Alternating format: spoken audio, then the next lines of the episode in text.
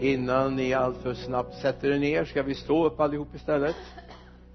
Och så har jag en bön i mitt hjärta som jag skulle vilja dela med dig innan vi lyssnar till Guds ord.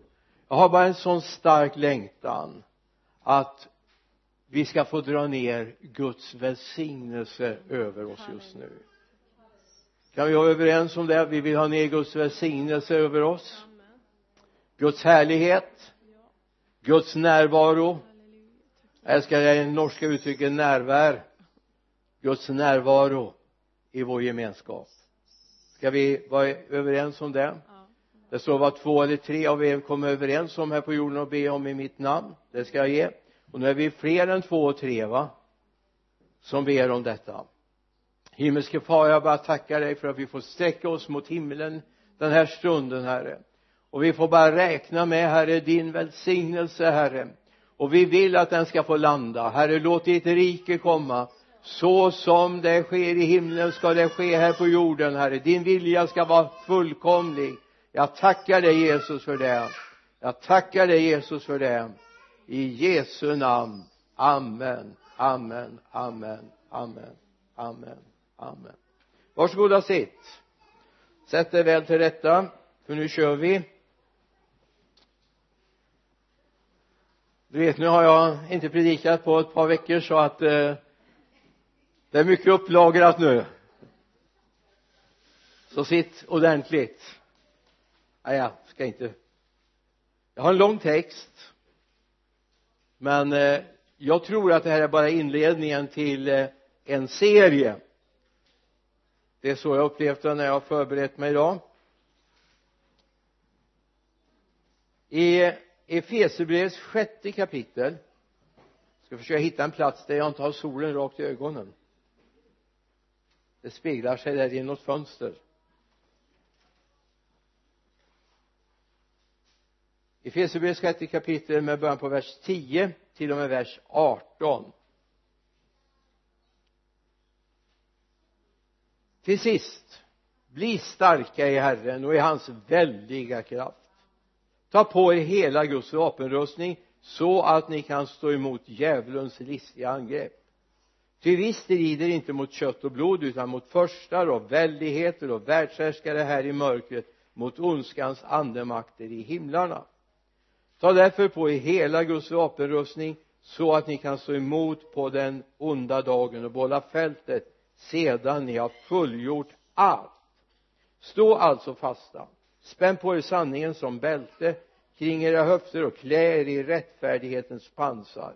Och sätt som skor på era fötter den beredskap som fridens evangelium ger. Ta dessutom trons sköld. Med den kan ni släcka den ondes alla brinnande pilar. Ta emot frälsningens hjälm och andens svärd som är Guds ord. Gör detta under ständig åkallan och bön och be alltid i anden. Vaka därför och håll ut i bön för alla de heliga. Jag kan bara säga på en gång att jag kommer ha fokus idag på vers 10 till sist bli starka i Herren och i hans väldiga kraft. Och sen vers 12 kommer jag kommentera också något. Och sen en del annat ska jag säga nu har jag predikat förut då.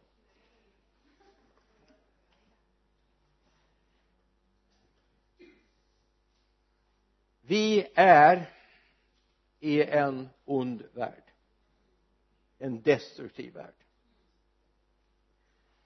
Jag höll på att säga varje dag när vi slår upp tidningen slår på nyheterna så hör vi om ondska illdåd mordlust etc etc etc krig hungerskatastrofer eller hungerkatastrofer etc etc vi är i en ond värld. Och nu ska jag säga någonting. Nu får du hålla i dig. Och du är i grunden född ond. Därför vi är födda i en ond värld. I synd avlades du.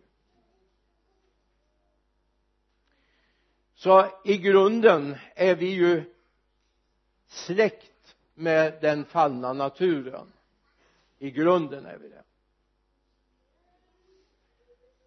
Så det är viktigt att vi inser att om vi om vi vill bli släkt med Gud istället så måste det ske en förvandling i våra hjärtan. Vi måste bli födda på nytt för det nya som vi föds till är släkt med Gud. Medan den gamla naturen är släkt med djävulen.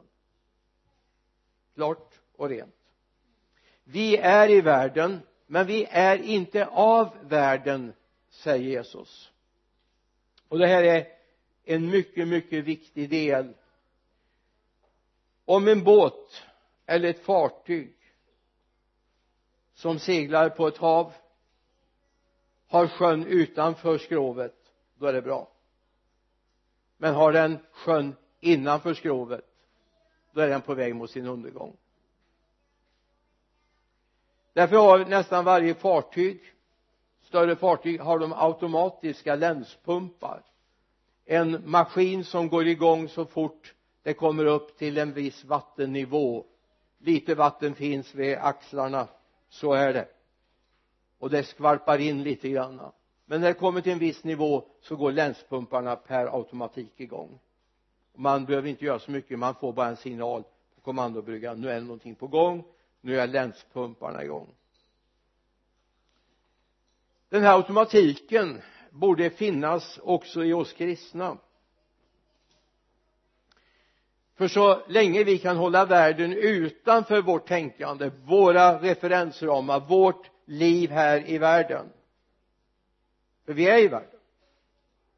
Men så fort det börjar skölja in över vårt tänkande så borde det finnas en automatik som står till och säger nu får det inte komma in mer. Nu måste jag sträva efter att få sjön utanför världen utanför mitt tänkande. I Johannes 17 vi ska bara läsa det bibelordet verserna 14 till 16 det säger så jag har gett dem ditt ord. Han ber alltså till sin far. Och världen har hatat dem eftersom de inte är av världen liksom inte heller jag världen. Jag ber inte att du ska ta dem ut ur världen utan att du ska bevara dem för det onda. De är inte av världen liksom inte heller jag är av världen alltså Guds tanke var inte att omedelbart evakuera oss från den här jorden. Men Guds tanke var att vi skulle finnas här men med en annan inställning till det som händer. Så varje trend varje tanke som finns i den här världen den ska vi hålla utanför. Vi ska inte påverkas av det. Det är inte varje trend är inte av Gud varje modern tanke är inte av Gud.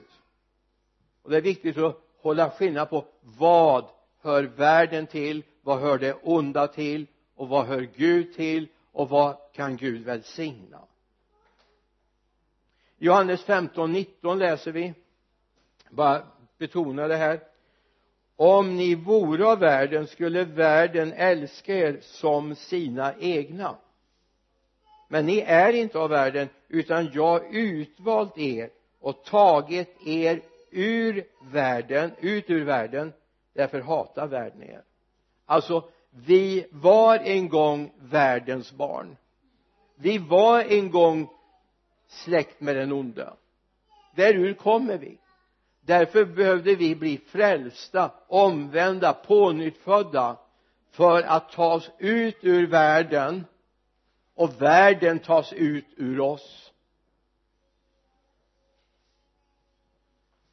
Ett, en människa som är på väg att drunkna och som man får upp måste man också få ut vattnet ur lungorna för att det ska fungera. Eftersom vi är däggdjur och behöver använda lungorna för att andas va? Vi är inte fiskar som eh, klarar av att simma under vattnet hur långt som helst. Det är ju lite olika hur långt man klarar det men det naturliga för oss är att vara ovanför vattenytan med våra andningsorgan. Alltså man om de ska överleva så måste man få ur vattnet ur lungorna på människor som är på väg att drunkna va? Eller har varit på väg att drunkna. Så måste vi också få ut det som hör ur världen ur vårat sinne alltså frälsningen är inte bara ett beslut. Det är ett mirakel. Det är ett under. Här kommer du, du lever i världen du gör en frälsningsupplevelse. Då är du inte bara lite mer religiös när du kommer upp på andra sidan. Du är förvandlad. Helt förvandlad. Och det här är grundförutsättningen för det jag ska tala om idag grund, det jag tänker tala om det är att bli stark i Herren. Bli stark i Herren. Men vi kan inte bli det i världen. Du kan inte bli det i kompromissen.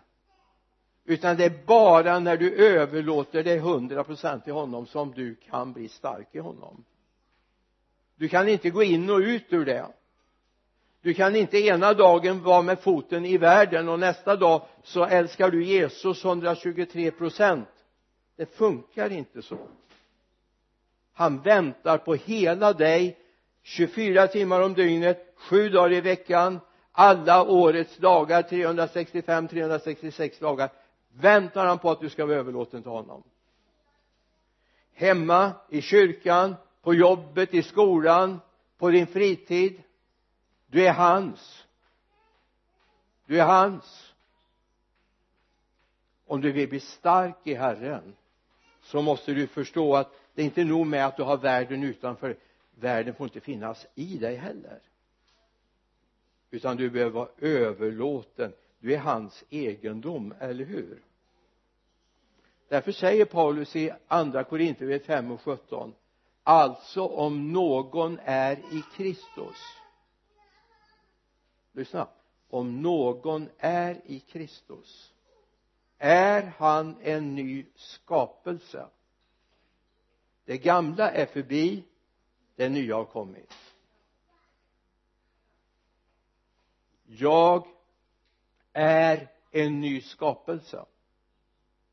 Jag är en ny skapelse. Alltså jag vet att jag har citerat den här bibelversen kanske några hundra gånger under mina år här. Men det här är så centralt och får vi inte tag i det så kommer vi ständigt, ständigt, ständigt leva i nederlag. Och vi kommer följa vad köttet och sinnet ville och inte vad Gud ville med våra liv. Gud vill att vi ska överlåta oss och lyda det han vill. Paulus säger också i romarbrevet det sjätte kapitlet verserna 6 till 8 vi vet att vår gamla människa har blivit korsfäst med Kristus för att syndens kropp ska beröva sin makt. Vi vet att vår gamla människa har blivit korsfäst med Kristus. Vi vet att vår gamla människa har blivit korsfäst med Kristus. Vad händer med den som är korsfäst? Den dör. Den dör. Och om vår gamla människa är korsfäst med Kristus så är vår gamla människa död. I vår gamla människa låg det svaga sinnet det som lätt manipulerades av djävulen. Det finns i den gamla människan men den gamla människan är död. Den är korsfäst. Eller hur? För att syndens kropp ska beröva sin makt. Så att vi inte längre är slavar under synden. Ty den som är död är friad från synd. Har vi nu dött med Kristus tror vi att vi också ska leva med honom. Ty den som är död är friad från synden. Alltså det synden begär av mig den har ingen kontaktyta med mig längre jag är Guds egendom Galaterbrevets femte kapitel berättar samma sak verserna 24 och 25 det är som att det som tillhör Kristus Jesus har korsfäst sitt kött med dess lidelser och begär. Om vi har liv genom anden låt oss då även följa anden. För när vi lämnar syndens liv när vi har låtit det korsfästas när det har dött den gamla människan den gamla Bengt-Arne den är död. För att den nya ska leva.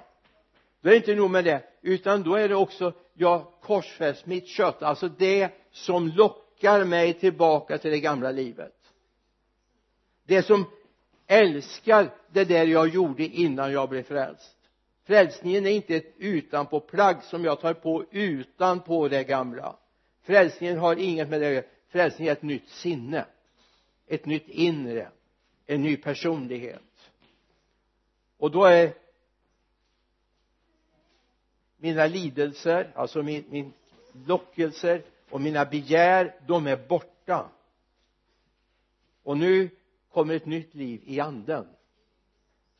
Ett nytt liv i anden så låt oss då även följa anden.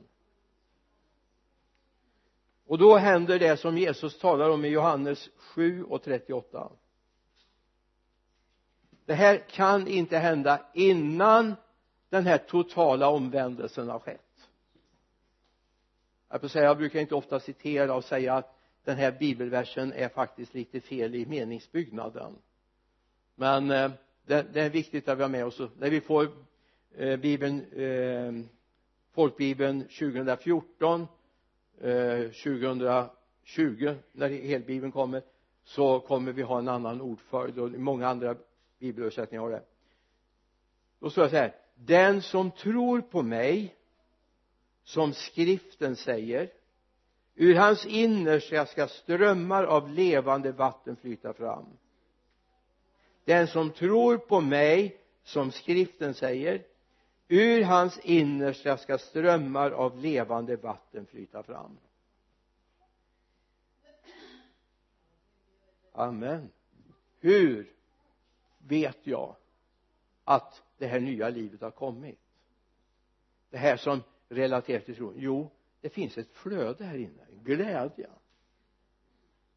Det blir aldrig en ett kämpande att vara kristen oj nu måste jag skärpa mig. Nu, oj här, de är ju också kristna. Nu måste jag tänka mig för vad jag säger hur jag gör, hur jag handlar. Eller leva i den här fruktan ja men tänk om Gud ser mig nu. Och så han läser ju till och med mina tankar. Jag behöver inte känna det när det nya livet börjar pulsera inom mig. För det finns, finns en annan drivkraft det finns en annan längtan i mitt inre och då kommer nästa fråga. I vems styrka lever du? I vems styrka lever du? Är det från styrkan av, från Gud? Är det där dina rotskott är nerstuckna i källan från honom?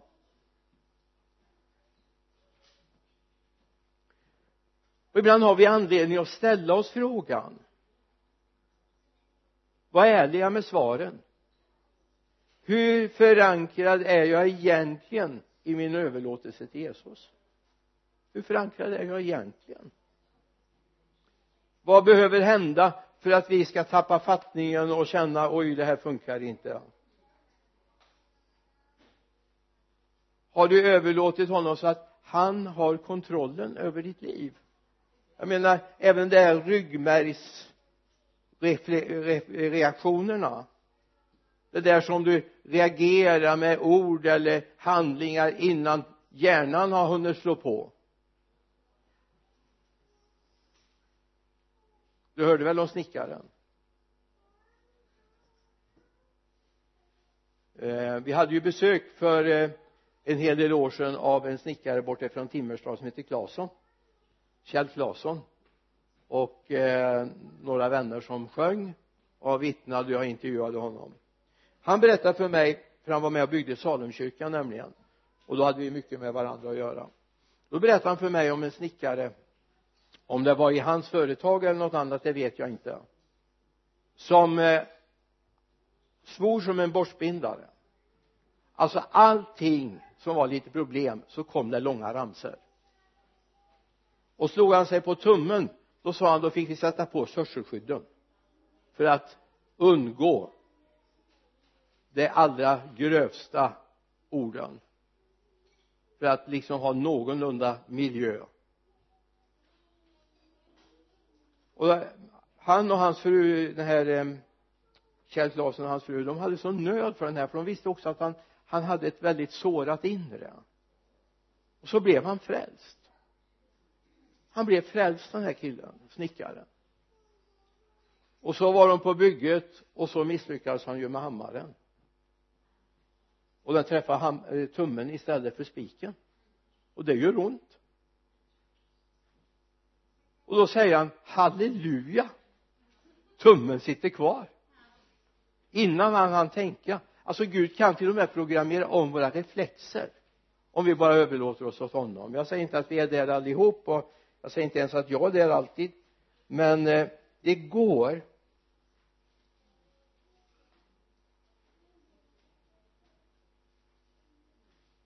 Att tro på Jesus är mer än att bara konstatera att han har levt och att han lever idag. Att tro på Jesus är någonting mer. Det är att Jesus flyttar in här och börjar leva i mig. Det är tro på Jesus alltså det som bibeln berättar om det är inte det här att jag håller för sant att han har faktiskt varit en historisk person. Det handlar inte om att jag någonstans ändå i bakhuvudet känner att ja men han finns idag också. Det är egentligen jättebra att vi vet det. Men vi behöver komma ett steg till. Han måste få flytta in här och ta över våra liv.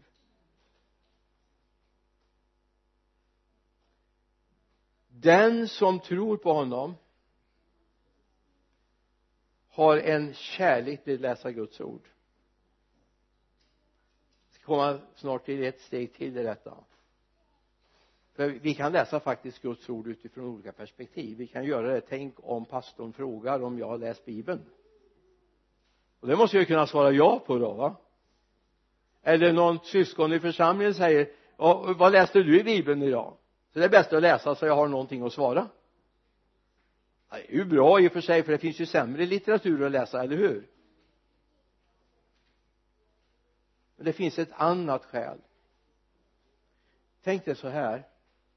Guds ord det är Guds kärleksbrev till dig. Det är Guds kärleksbrev till dig. Jag skulle vilja se den som är kär. Om den får ett sms ett mail någon skriver något på chatten eller kanske ett vanligt sånt där snigelpostbrev. Jag skulle undra om någon lägger det åt sidan och tänker ja men det hinner jag titta på en annan dag. Ja men det, det kan jag ta en annan dag. Ja, det är inte så, så viktigt. Jag numera går det ju så fort också så det märks ju inte att jag inte svarar på en gång. De kan ju få för sig att jag hade något annat för mig då är det väl kanske lite sån här varningsflagg för den kärleksrelationen, eller hur va? Bibeln det är Guds kärleksbrev till dig. Det är Guds kärleksbrev till dig. Och det finns en relation mellan vårt bibelläsande och vår kärlek till Jesus. Det finns en relation. Och då talar jag inte om tvångstankar att jag måste uppfylla en viss form av rättfärdighet utan jag älskar att läsa. Jag älskar det. Jag älskar det. Jag älskar det. Och sen kommer nästa steg. Gud har en fantastisk sak i världen som heter församlingen. Men en sak vi måste ha klart för oss. Kyrkan är inte en institution. Det är inte som vårdcentralen eller sjukhuset eller försäkringskassan eller arbetsförmedlingen eller som vi är väldigt väldigt glada att de finns. Men allra helst skulle vi ju slippa använda dem, eller hur? Men allra bäst är ju att slippa vårdcentralen. Allra bäst är ju att slippa sjukhuset. Allra bäst är ju att inte ha så mycket med försäkringskassan att göra, eller hur? Det är väldigt bra att det finns och för de som behöver det. Men visst är det väldigt skönt att slippa det eller arbetsförmedlingen visst är det väldigt skönt att slippa det men det är bra för dem som behöver det. Kyrkan är inte en sån institution. Nu ska jag säga en hemlighet till dig. Du tillhör inte en församling. Du är en församling. Du är en församling. Du tillhör inte bara. Det är inte bara så här att du har ett medlemsbevis eller att du har blivit välkomnad in i en församling och så är du en medlem. Det är egentligen någonting vi har fått för oss här bara för att vi har sån här föreningstänkande i vårt land va? Du är församlingen. Du är församlingen. Och när du inte du är där så är det någonting som saknas. Du saknas. Och du tillför någonting även om du aldrig står här och läser ett bibelord eller aldrig är med och lovsjunger eller aldrig öppnar din mun och ber. Du är en viktig del ändå. Och därför är det så viktigt för vår tillväxt, vårt växande att vi är där. Därför att det är precis som en gren i ett träd. Jag menar vi skulle kunna tänka oss att det ligger en massa lösa grenar här som det har gjort efter en storm va? Säg en hemlighet till dig. De grenarna de bär inga gröna blad nästa år de fruktträdens grenar bär ingen frukt nästa år. De som har blåst av. Ska jag inte tala om för dig vad bibeln säger om man ska göra med sådana grenar?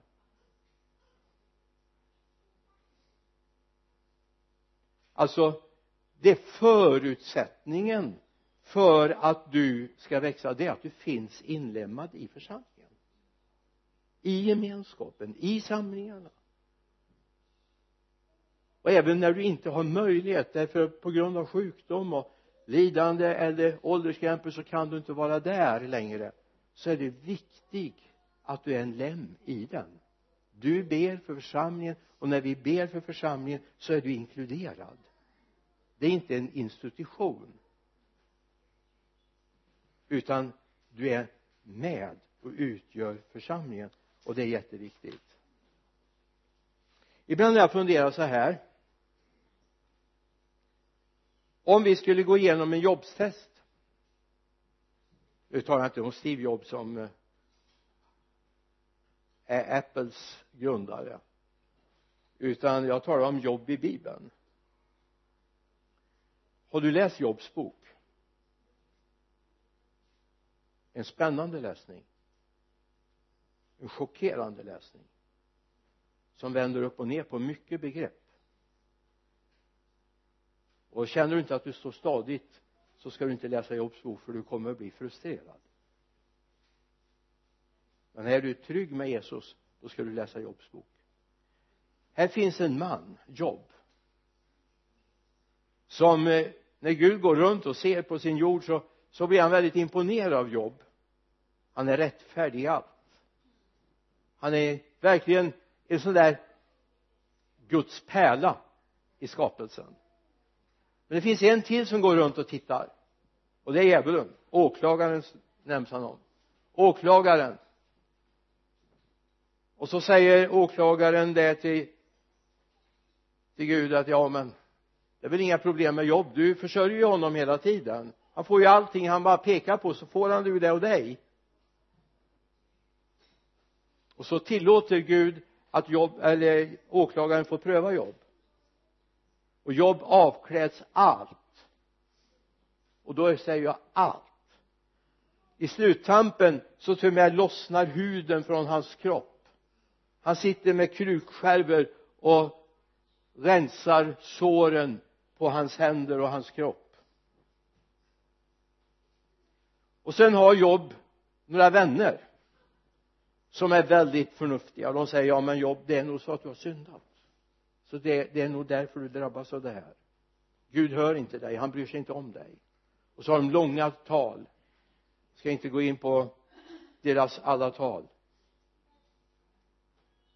Men när vi kommer till nittonde kapitlet i Jobs bok den 23 versen så svarar Job på ett av dessa anklagelser mot honom och mot Gud och han gör det så här. O att mina ord hade skrivits ner att jag hade blivit upptecknad i en bok och för evigt inristad i klippan med ett eh, stift av järn och med bly. Men jag vet att min återlösare lever och som han och som den siste skall han träda fram över stoftet. När sedan denna min sargade hud är borta skall jag mitt kött skåda Gud. Jag själv ska få skåda honom med egna ögon ska jag se honom inte med någon annans. Därefter trånar jag i mitt innersta. Dock jag vet att min återlösare han lever. Mitt i denna fullständiga utblottning och det är gott att det finns ett 42 kapitel i Jobs bok där Gud visar att han kan upprätta honom när han har stått provet.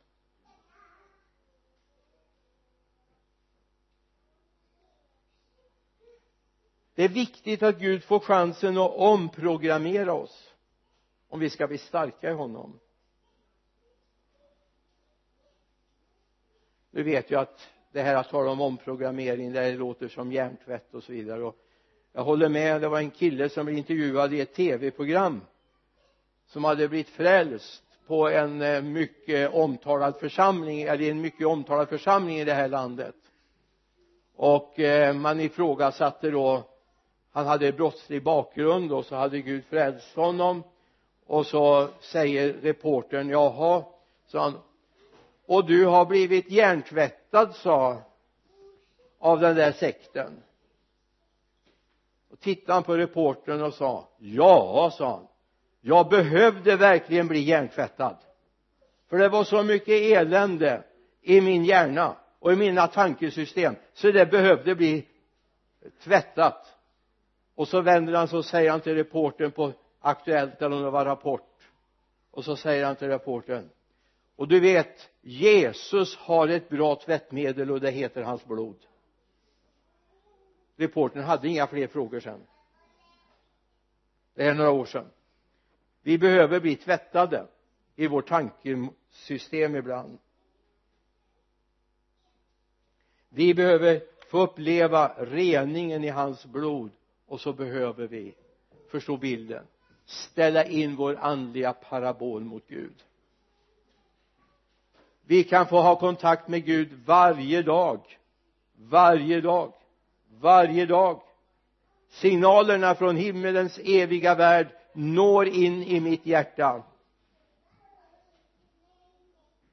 Och Paulus säger så här i Galaterbrevets sjätte kapitel vers 14 för min del vill jag aldrig berömma mig av något annat än vår Herre Jesu kors genom vilket världen är korsfäst för mig och jag för världen. Det här var hans berömmelse.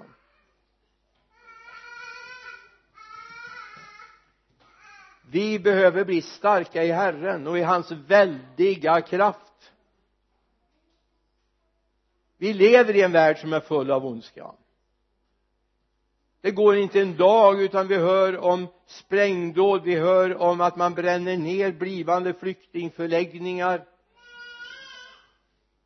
Vi hör om eh, människor som skjuts på kaféer och restauranger. Vi ser, hör talas om bilar som försöker köra på människor och så vidare och så vidare. Jag vet inte om ni minns den här mannen som körde i Gamla stan på en gata som inte var egentligen tänkt för biltrafik och mejade ner den några år sedan. Vad är det han säger? Det var en röst som sa till mig att jag skulle köra på de här människorna. Och då tänker någon ja det är någon, något psykologiskt fenomen här vi kanske behöver behandla den här människan. Ja det behöver man kanske göra men framförallt behöver man be för den.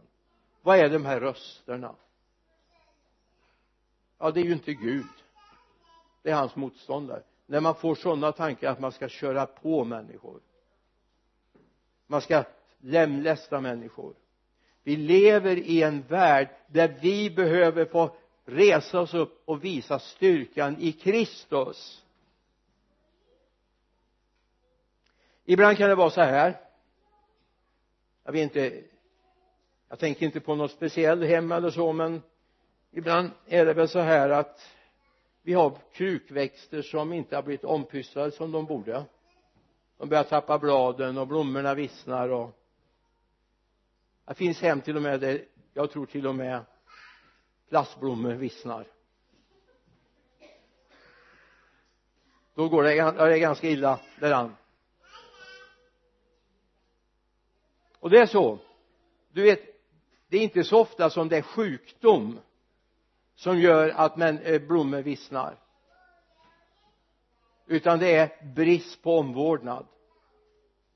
Nu är det som en krukväxt går inte till vattenkranen själv och hämtar vatten. Han gör inte det. Utan en krukväxt får man faktiskt gå dit och ge vatten.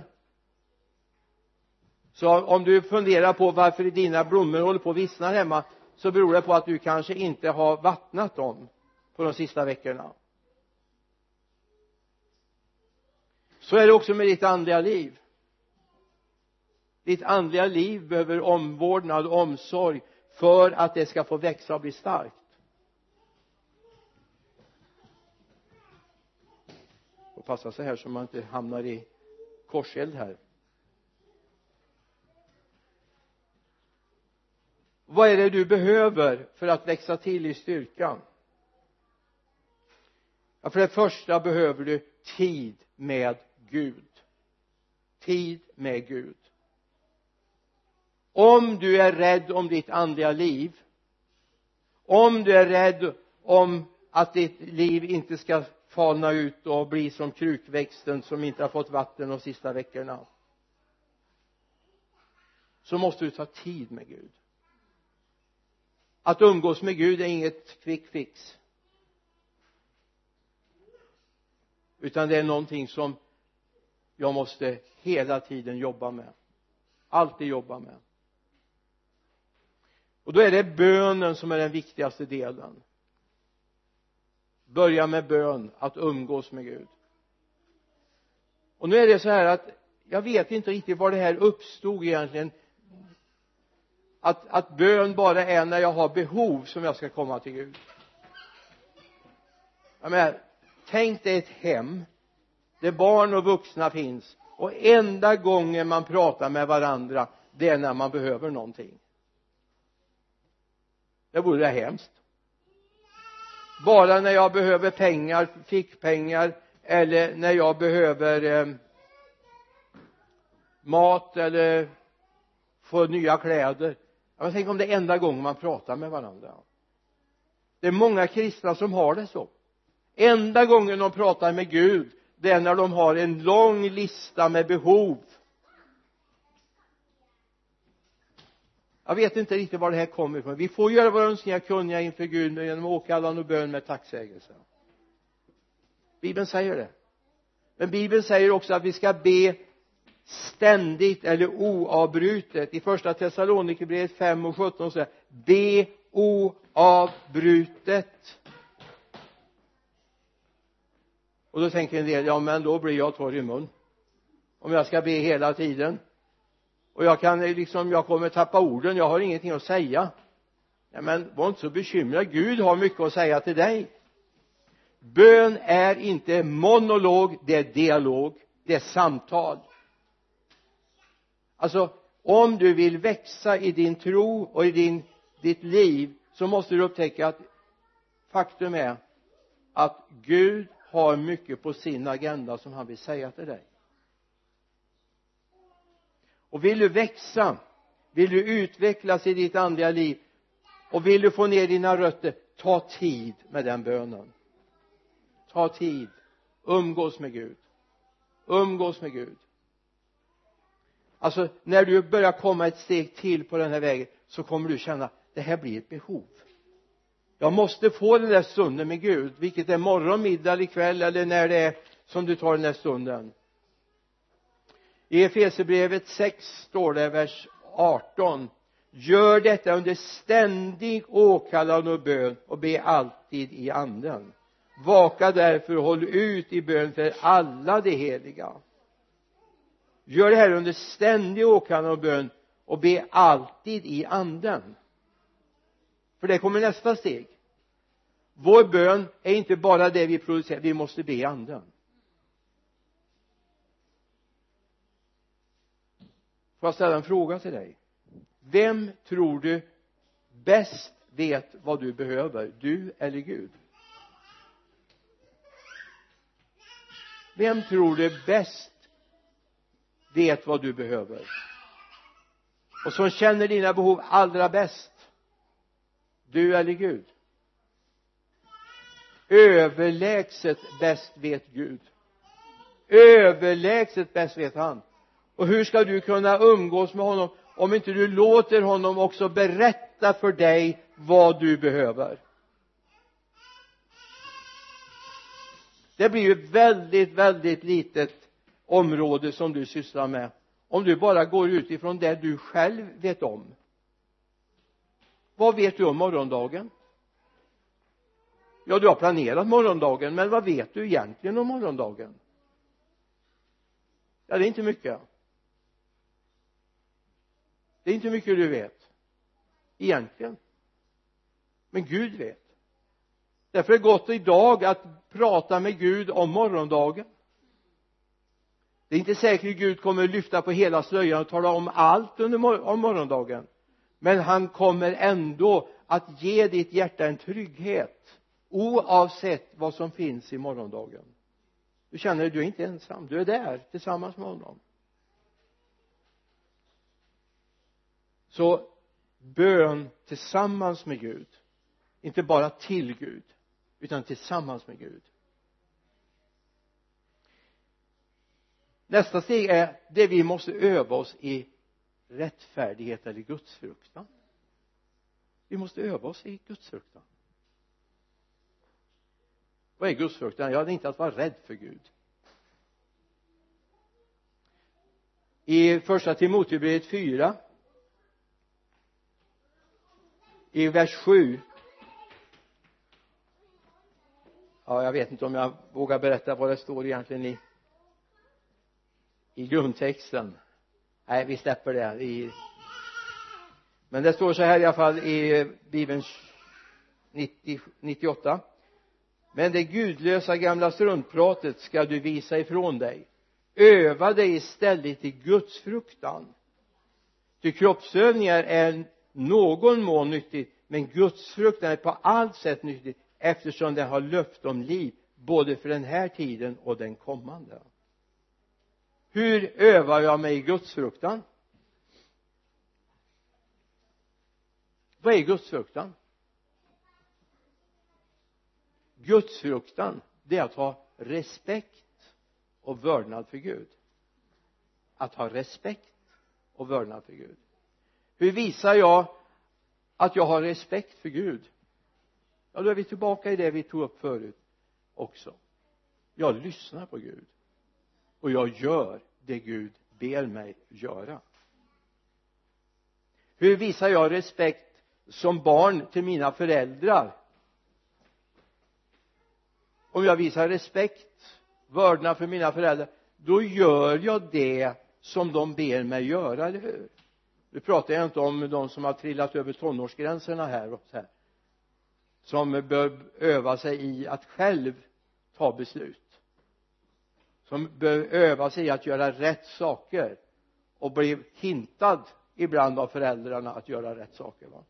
Men visar jag respekt för, för Gud och för mina föräldrar så gör jag det som mina föräldrar önskar att jag ska göra. Så är det också med Gud. Så att gudsfruktan det är inte bara ett tomt ord utan det handlar om att öva sig att faktiskt lyssna in Gud och göra det Gud vill med mitt liv. Det är Guds fruktan. Att gymnastisera står det faktiskt. Och eller träna mig i vördnad, respekt och lydnad för Gud.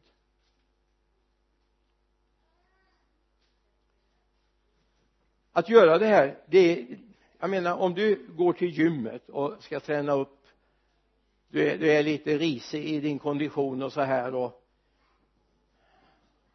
du behövde kanske få ordning på magen och så här vad det nu kan vara. Så går du till gymmet du löser det inte på första halvtimmen. Du gör inte det. Du löser det inte på andra halvtimmen heller. Du löser det inte på tredje halvtimmen heller utan det är någonting som du ständigt får jobba med för att hålla ordning på din kropp va?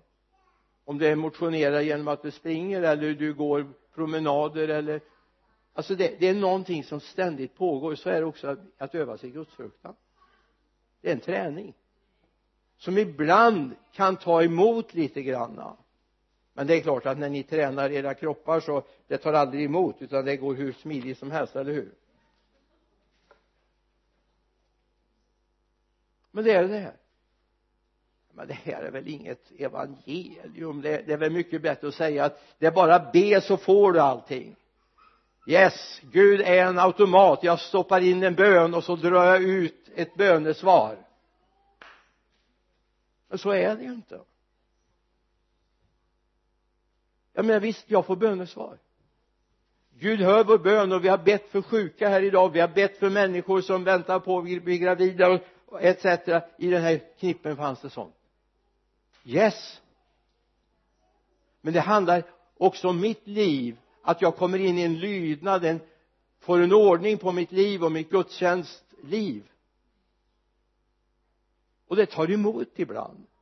Därför att den där gamle Adam vill ju sticka upp ibland. Trots att han är korsfäst trots att han är död så vill han liksom påminna sig om att jag fanns ju där i alla fall en gång och då får jag öva mig att hålla honom ifrån mig. Därför säger Jakob i det fjärde kapitlet vers 7 underordna er därför Gud. Stå emot djävulen så ska han fly bort från er. Underordna er därför Gud.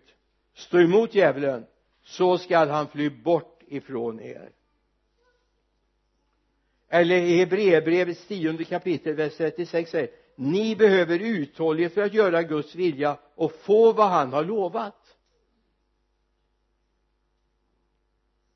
Men det är också gott att få lägga till Filipperbrevet 4 och 13 allt förmår jag i honom som ger mig kraft.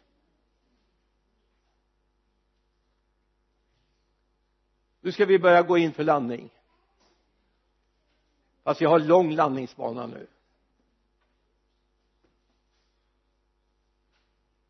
I vers 12 i eh, Efesierbrevets sjätte kapitel vers 12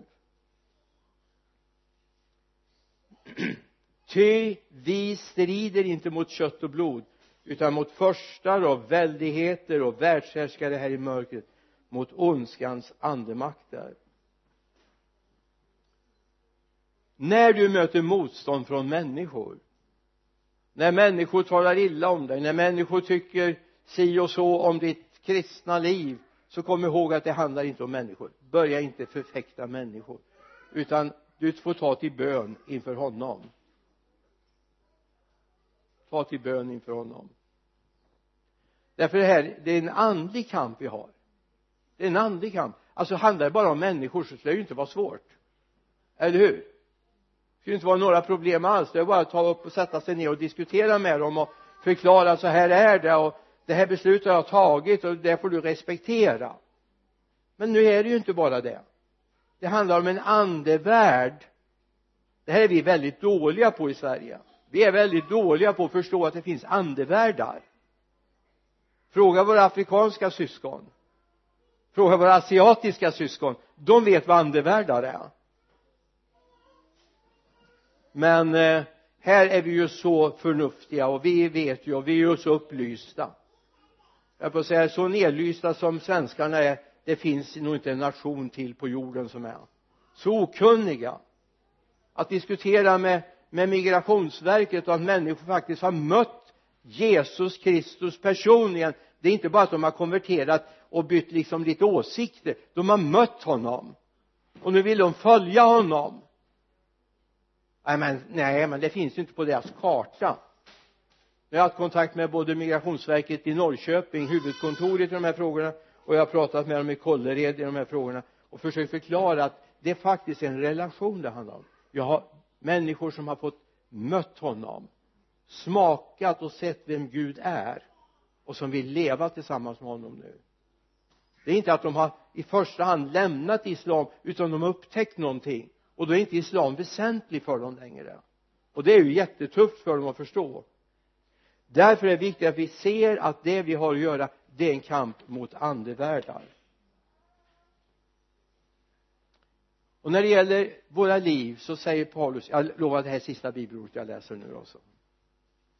I första Korinthierbrevet andra kapitel vers 4 och 5 Paulus säger så här när han kommer till en församling som är väldigt spretig när det gäller religionsbakgrunder och så skriver han till dem sen och mitt tal och min predikan bestod inte i ord som skulle övertyga genom mänsklig visdom utan genom en bevisning i ande och kraft.